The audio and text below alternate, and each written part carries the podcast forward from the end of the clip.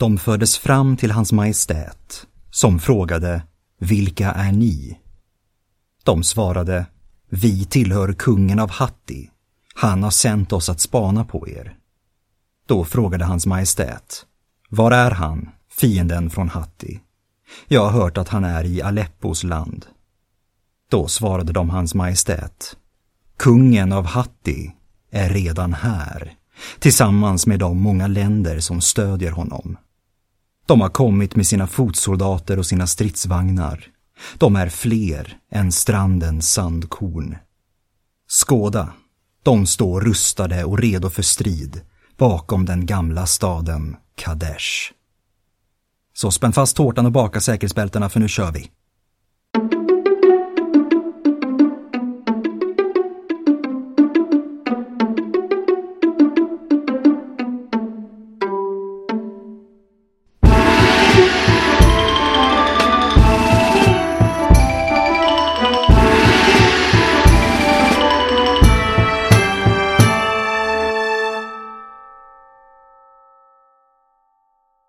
Hej och välkomna till Podius Castus, en podd om antiken. Jag heter Adam och detta minisnitt kommer att handla om slaget vid Kadesh. Slaget utkämpades mellan den tidens två främsta stormakter, det egyptiska nya riket och Hatti, hetiternas rike i mindre Asien. Egyptierna leddes av farao Ramses den andre, medan hetiterna leddes av kung Muatalli den andre. Skådeplatsen, staden Kadesh, låg vid floden Orontes, nära vad som idag är gränsen mellan Libanon och Syrien. Slaget dateras vanligtvis till år 1274 före vår tideräkning, baserat på den egyptiska kronologin, under Ramses femte regeringsår.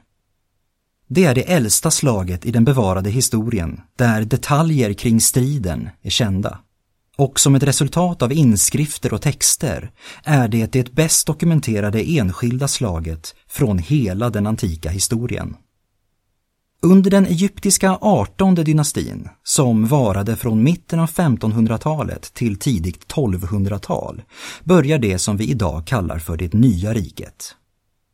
Det var en tid då Egypten bedrev en högst aggressiv utrikespolitik som präglades av militära fälttåg i Levanten i norr och i Nubien i söder.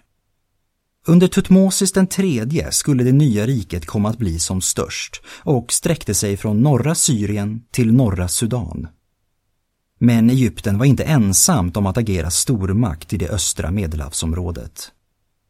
Längre norrut, i mindre Asien, hade Hatti, hetiternas rike, vuxit sig allt starkare. Från sin huvudstad Hattusa styrde de hetitiska kungarna över så gott som hela den anatoliska halvön. Efter Tutmosis den tredjes regeringstid, i slutet av 1400-talet, skulle kampen om Syrien komma att bli kanske den främsta kontakten mellan egyptierna och hetiterna. Men det egyptiska inflytandet i området skulle successivt komma att minska under den resterande 18 dynastin, samtidigt som hetiternas inflytande ökade.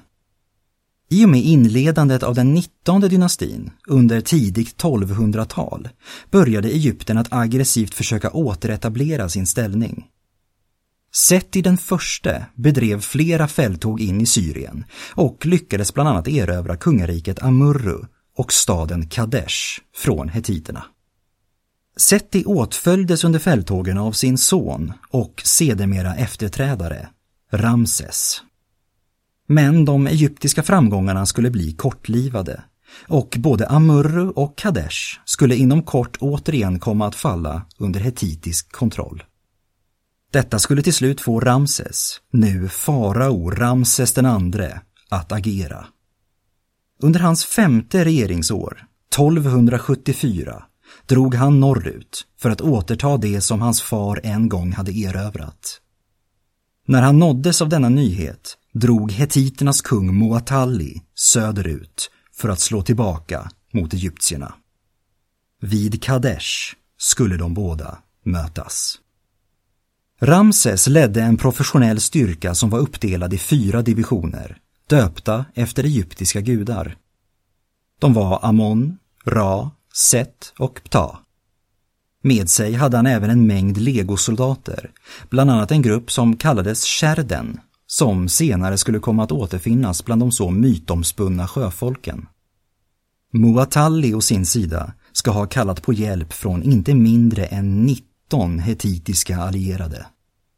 Det är som bekant otroligt svårt att uppskatta antal när det kommer till forntida arméer. I detta fall har allt mellan 20 till 50 000 på vardera sida föreslagits. Någonting som det däremot verkar råda konsensus kring är att de båda sidorna var så gott som likvärdiga i storlek. Båda sidor förlitade sig också främst på denna tids verkliga supervapen, stridsvagnen, en ståvagn på två hjul som förspändes med hästar. Däremot uppvisade de båda sidorna två vitt skilda filosofier när det kom till detta vapens användning. Den egyptiska stridsvagnen var lättare, snabbare och avsedd att bemannas av två man, en körsvän och en bågskytt. Den användes som en rörlig plattform från vilken man kunde anfalla med distansvapen. I strid körde stridsvagnarna i anfallsvågor fram och tillbaka mot fienden. Den hetitiska stridsvagnen var å sin sida tyngre, långsammare och avsedd att bemannas av tre man, beväpnade med långa spjut. Till skillnad från den egyptiska var denna ett chockvapen som kördes rätt in i fiendens led varpå besättningen hoppade av och fortsatte striden till fots. Slaget vid Kadesh tros vara den största stridsvagnsstrid som någonsin utkämpats, med totalt mellan 5 och 6 tusen stridsvagnar involverade. Vid sidan om sina supervapen bestod de båda arméerna också av stora mängder fotsoldater beväpnade med spjut, yxor, svärd och pilbågar.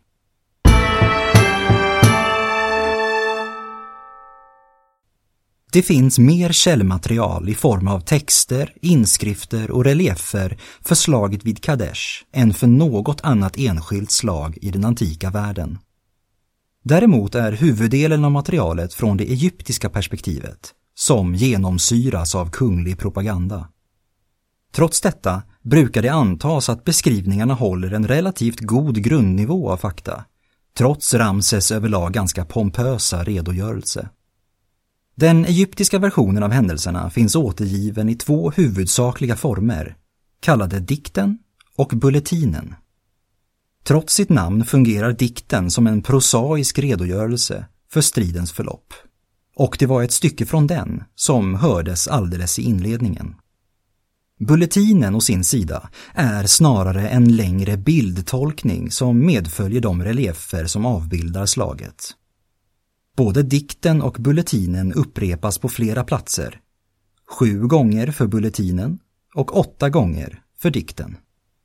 De finns nedtecknade på väggar i tempel i bland annat Abydos, Luxor, Karnak och Abu Simbel. Utöver dessa två huvudsakliga redogörelser finns det även kortare texter, bevarade både i inskrifter och på papyrus. Vad gäller det hetitiska källmaterialet består det främst av referenser till slaget som görs i koppling till andra händelser, i till exempel kungliga inskrifter. Från hetiterna har vi alltså ingen detaljerad redogörelse i stil med den egyptiska dikten, som vi nu ska följa rakt in i händelsernas centrum. Muatalli hade samlat sina styrkor bakom Kadesh, medan Ramses fortfarande marscherade norrut. De egyptiska divisionerna rörde sig självständigt och Amon-divisionen följde Ramses i förväg. En dryg mil från Kadesh mötte den egyptiska förtruppen två nomader som berättade att hetiterna var i närheten av Aleppo, nästan 20 mil därifrån. Detta fick Ramses att inse att han nu hade en gyllene chans att hinna före Moatalli till staden och befästa den. Han beordrade därför en ilmarsch mot Kadesh och så fort de kommit fram slog de läger i väntan på att de övriga divisionerna skulle ansluta. Kort därefter fördes två tillfångatagna hetitiska spioner till Ramses och avslöjade hans misstag. Som vi fick höra i inledningen var Muatalli inte alls i Aleppo. Han var redan vid Kadesh. Egyptierna beskyllde därefter de två nomaderna för att i själva verket ha varit anlitade av hetiterna. I panik sammankallade Ramses sina befälhavare och löpare sändes omgående iväg för att påskynda de andra divisionernas ankomst. Ra-divisionen var nästan framme och närmade sig fort rakt söderifrån medan Set och Ta-divisionerna var längre bort. Samtidigt som Ramses höll krigsråd dundrade de hetitiska stridsvagnarna över floden Orontes och drog rätt igenom den annalkande raddivisionen. Överraskningsmomentet var brutalt och raddivisionen krossades i ett enda slag. Hetiterna vände därefter norrut mot egyptiernas läger. De svepte över lägret så gott som utan motstånd, men anfallet tappade momentum allt eftersom egyptierna samlade sig till motangrepp. Det är i denna stund som Ramses överdådiga beskrivning av striden utmärker sig som tydligast. Enligt dikten befann han sig nu alldeles övergiven och helt ensam mitt bland sina fiender. Då fick Ramses plötsligt en nästintill gudomlig styrka och enligt honom själv vände han striden helt på egen hand. Jag var som sett framför dem, beskriver han, och jag spred dem för vinden framför mina hästar. Det egyptiska motangreppet, som leddes av Ramses, lyckades mota tillbaka hetiterna. Hetiterna hjälptes inte av att de trodde striden var vunnen och därför stannat upp för att plundra lägret. Istället skulle egyptierna i anfallsvåg efter anfallsvåg komma att driva hetiterna hela vägen tillbaka till floden. De lättare egyptiska stridsvagnarna fick nu ett tydligt övertag då de utan problem både hann ikapp och förbi sina långsammare hetitiska motsvarigheter. Men Muatali hade hållit en betydande styrka i reserv och beordrade ett nytt anfall mot egyptierna. Målet var nu att omringa den framrusande Ramses, att fånga honom mellan reserven och de hetitiska stridsvagnarna vid floden. Den hetitiska reserven drog sig mot det egyptiska lägret för att därifrån kunna anfalla Ramses bakifrån. Till hetiternas stora förvåning upptäckte de då att de egyptiska förstärkningarna nästan hunnit fram och reserven hotades nu själv av att bli omringad. Muatalli beordrade en full reträtt. Slaget var över. Resultatet av striden har länge varit omtvistat. Ramses framställde såklart sig själv som den store segraren hemma i Egypten. Men hans armé hade drabbats av så stora förluster i striden att han var tvungen att överge sitt fälttåg. Detsamma gällde för hetiterna, som därför inte kunde kapitulera på egyptiernas reträtt. Samtidigt målar de hetitiska källorna en bild av en Ramses som skamsen hade blivit tvingad till flykt. Det finns till och med ett bevarat brev där Ramses svarar på hetitiska anklagelser om att grovt ha överdrivit sina bedrifter i striden. Rent praktiskt får nog slaget vid Kadesh räknas som oavgjort, om än med ett litet plus för egyptierna, som lyckades stävja en fortsatt hetitisk expansion. Men i och med att Kadesh misslyckats med att bli en avgörande drabbning skulle konflikten mellan Egypten och Hatti fortsätta. Gång på gång återvände Ramses till Levanten och gång på gång slog hetiterna tillbaka. Landvinningar ena året blev till förluster året därpå. Det stod ganska klart att ingen sida var tillräckligt stark för att slutgiltigt kunna besegra den andra. Och det verkar som att båda sidorna till slut också själva insåg detta.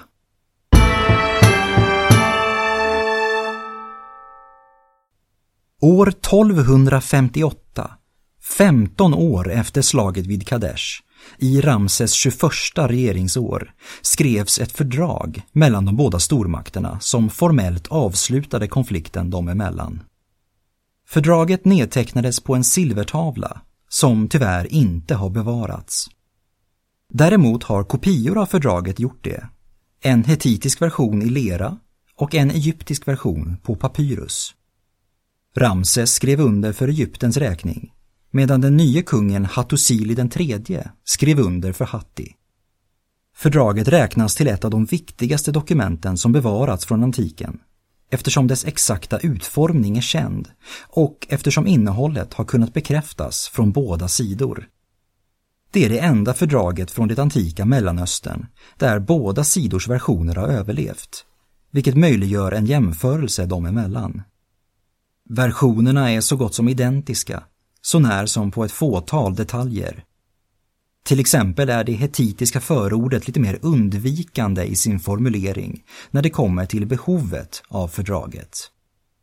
Den egyptiska versionen däremot går rakt på sak och utan omsvep konstaterar att de båda länge legat i krig. Fördraget är uppdelat i punkter där egyptierna och hetiterna om vartannat skriver under på flera löften. De lovar att i fortsättningen inte gå i krig mot varandra samt att hantera den så infekterade Syrienfrågan genom diplomati istället för våld. Vidare lovar båda sidor att komma till den andres hjälp ifall de skulle bli anfallna av en tredje part eller ifall en intern konflikt skulle uppstå. Därtill skulle båda sidor sända tillbaka politiska flyktingar och stötta den kungliga successionen. Rent praktiskt fungerar alltså texten som både ett fredsfördrag och ett alliansfördrag. Texten avslutas genom att gudarna åkallas som vittnen till det som överenskommits, samt som en garanti på att löftena skulle hållas. På grund av sin betydelse som ett internationellt historiskt fredsdokument har en replika av fördraget satts upp på en av väggarna inuti FNs högkvarter i New York. Efter att konflikten med Hatti formellt avslutats kunde Ramses nu istället fokusera inåt. Resurser som tidigare gått till armén omfördelades till hans många omfattande byggprojekt. Ett drygt årtionde efter att fördraget undertecknats finns det bevis för att Ramses gift sig med en hetitisk prinsessa. Detta med allra största sannolikhet för att knyta ännu starkare band mellan de båda stormakterna. Det finns heller ingenting som pekar mot att fördraget inte lyckades med sitt mål och under resten av Ramses regeringstid verkar det ha rått fred mellan Egypten och Hatti. Denna nya status quo skulle komma att hålla hela vägen fram till dess att Hatti erövrades av assyrierna, nästan hundra år senare. Det var en fred som borde ha verkat högst osannolik den där dagen utanför Kadesh.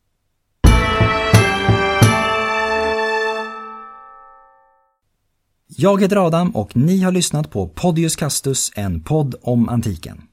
Följ oss gärna på Facebook och Instagram och vill ni komma i kontakt med oss kan ni även göra det på podiuscastus@gmail.com. Tack för mig och på återhörande.